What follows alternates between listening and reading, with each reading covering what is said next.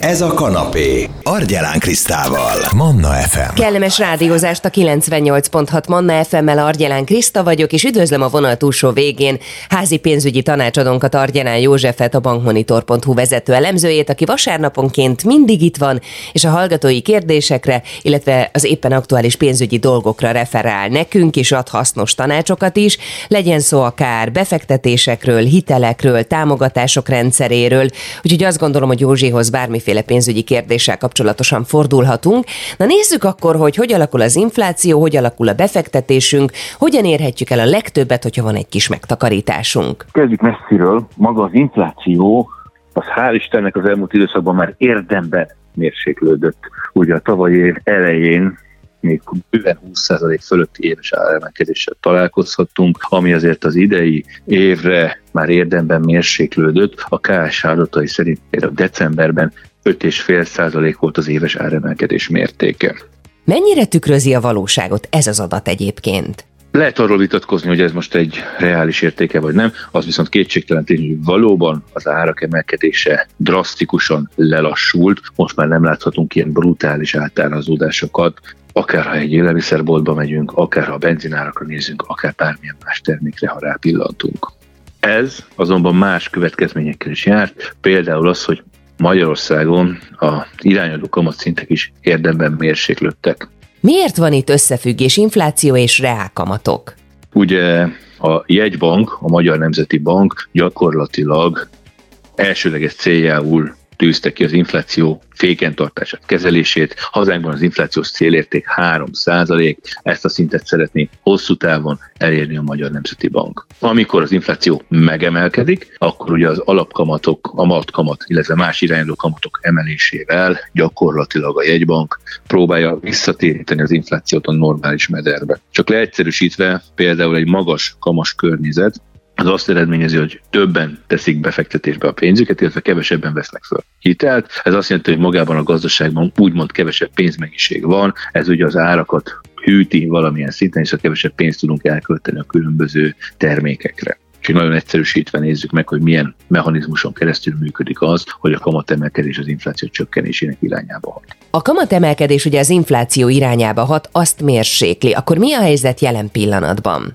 Most, hogy az infláció végre érdemben mérséklődött, így már a jegybanki alapkamat, illetve más irányadó kamatszintek csökkenése is megindulhatott. Ugye az irányadó kamatszint egy ideig az egynapos Magyar Nemzeti Bank betéti kamata volt, az egynapos betéti kamat, ez 18% volt, ezt ugye hozzáigazították 13%-ra, ami ugye az jegybanki alapkamat volt, és már a jegybanki alapkamat csökkenése is megindult. Tehát kijelenthetjük, hogy igen, végre a gazdaságban elérhető kamat környezet is fokozatosan csökken, mert ugye az egybanki alapkamat mérséklődésével a piaci kamatok is lassan mérséklődnek. Attól függ, hogy milyen kamatszintről beszélünk, de mindegyik mérséklődésnek indult. Ez kiknek jó hír igazán? Ez jó hír, hogyha hitelt szeretnénk fölvenni, hiszen már az új hitelek kamata is érdemben mérséklődött. Ha mondjuk a lakáshitelekre nézünk, akkor egy évvel ezelőtt még 9-10 százalék körüli hitelkamatokról beszéltünk, most egy új hitel kamata az 6% fölött van valamivel jellemzően, de találhatunk már akár 6% amat alatti kamatszintet is. Igen, ám de az alapkamat csökkenése nem minden esetben jó hír az embereknek. Például, hogyha megtakarításuk van, befektetésük van, akkor ha arra nézünk, hogy azoknak a kamata is csökken, az bizony már egy rosszabb üzenet a befektetők számára. Bár hozzá kell tenni, hogyha az inflációhoz viszonyítjuk elérhető nyereséget, kamatot, akkor már nem is feltétlenül olyan rossz hír ez, amit látunk, hiszen egy 20%-os inflációs környezetben még egy 10-15%-os is azt jelenti, hogy bizony a pénzünk vásárlóértéke csökken, hiszen a kamatokkal növelt összeg is kevesebb áru megvásárlására elég, mint az indulás pillanatban. Ha viszont azt nézzük, hogy mondjuk egy 5-6%-os inflációnál elérünk egy 8%-os kamatot, akkor bizony mondhatjuk azt, hogy igen, ez egy érdemben kisebb kamat, mint amit a korábbi időszakban kaptunk, de már ha úgy nézzük, hogy a pénzünk vásárlóértéke hogy alakul, akkor már pozitívba vagyunk, akkor már több áról lesz elég lejáratkor a pénzünk. Legalábbis előre láthatóan. Tudsz a betétekről is nekünk egy gyors helyzetjelentést adni? Nézzük, hogy milyen betítő ajánlatokkal találkozhatunk, hiszen sokan jogos, félig meddig jogosan felvethetik, hogy igen, érthető ez a meg az okfejtés elméletben, de valójában Magyarországon nem nagyon találkozhattunk magas betéti kamatokkal, annak ellenére sem, hogy mondjuk az infláció vagy egy jegybanki alapkamat érdemben növekedett. Ez igaz is, nagy általánosságban bizony 1-2-3 százalékos betéti kamatokkal találkozhatunk éves szinten az elmúlt egy év során is, tehát valójában ha nagy átlagot nézzük, nem emelkedtek a betéti kamatok az infláció drasztikus növekedése ellenére. Viszont találhatunk jó pár olyan ajánlatot, elsősorban kisebb pénzintézeteknél, amelyek versenyképesek tudtak lenni, és amelyek akár kétszámjegyű hozamot is elérhettek az elmúlt időben. Most ezek az ajánlatok azért már sajnos az alapkamat mérséklődésével valamelyest mérséklődtek. Mennyi ez a mérséklődés? Mit jelent ez számokban? A Granit banknál még mindig elérhető akár 8% fölötti kamat is, akár a 3, akár a 6 hónapos futamidő betétjére, illetve a 13 hónapos betétje egyébként a jegybanknál kamathoz van kötve, az annál kisebb 2%-kal, tehát ö, látható, hogy ott az is hozzá van közve az alapkamat, és amíg magas az alapkamat, amíg ez a betéti kamat is érdemben magasan szinten tud lenni. Hogyha a Cetelem bankra nézünk, ott is 8% fölötti kamatokkal találkozhatunk 8 hónapra, egy évre, sőt akár két éves lekötés esetén is. A KNH banknál egyébként két számjegyű betéti kamatot is láthatunk, három hónapos futamidőre. Itt azonban elég szigorú feltételek vannak, csak új pénzt lehet ebbe lekötni, illetve már fél éve a KNH bank ügyfelének kell lenni.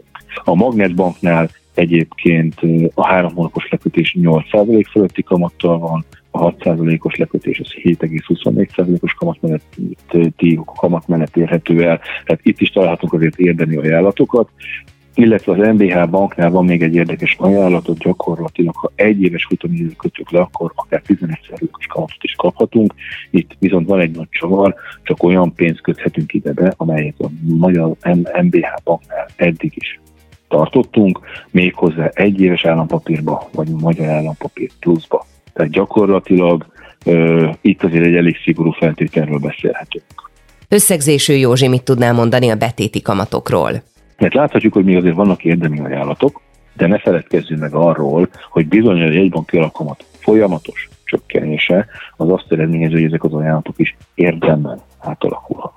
Méghozzá nem pozitív irányban, jó eséllyel ezek a most kiugrónak tekinthető betéti ajánlatok vissza fognak idomulni a nagy átlaghoz, tehát a 1-2-3 százalékos kamatszinthez.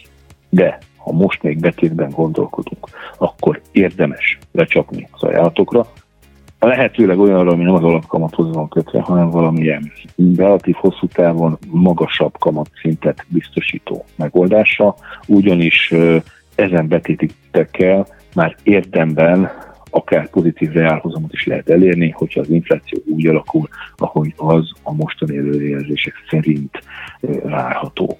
Tehát aki megtakarítani szeretne, újra fókuszba kerülhetnek a betétek, viszont itt van egy elég időkorlát, előreláthatóan pár héten, egy-két hónapon belül ezek a betételajánlatok el fognak tűnni a piacról, vagy legalábbis a kamatok jóval alacsonyabbak lesznek, ezt át kell gondolni, ugyanakkor érdemes más megtakarításokat is szem előtt tartani, például az állampapírokat, vagy más megoldásokat, ugyanis ott is érdemi hozamokat lehet elérni. Argyelán József a bankmonitor.hu vezető elemzője volt a beszélgető partnerem itt a Manna fm és ezúttal azt néztük meg, hogy ha valakinek van egy kis megtakarítása, akkor a mostani inflációs helyzetben hogy jár a legjobban, hová érdemes tenni ezeket az összegeket. Ugye az elmúlt időszakban azért két számjegyű hozamot, kamatot is el lehetett érni.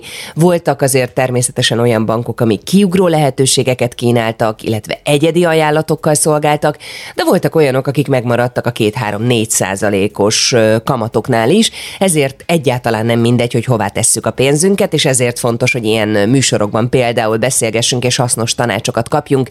Argyelán József, a bankmonitor.hu vezető elemzője természetesen a folytatásban is várja a hallgatói kérdéseket, és a következő hetekben megválaszoljuk majd ezeket is, meg témaötleteket, javaslatokat is várunk, hogy mi az a terület, ami foglalkoztatja a Manna hallgatókat, mi az, amiről beszéljünk egy picikét többet, lehet szó akár a Csok Pluszról is, hiszen nagyon-nagyon sokszor előkerült már ez a téma, de ha valaki éppen most kerül ilyen élethelyzetbe, akkor lehet, hogy most fontos számára. Az SMS és Viber számunk tehát 0677 az e-mail címen pedig argyelán.krisztinakukacmannefm.hu Manna, ez a kanapé, Argyelán Krisztával. F.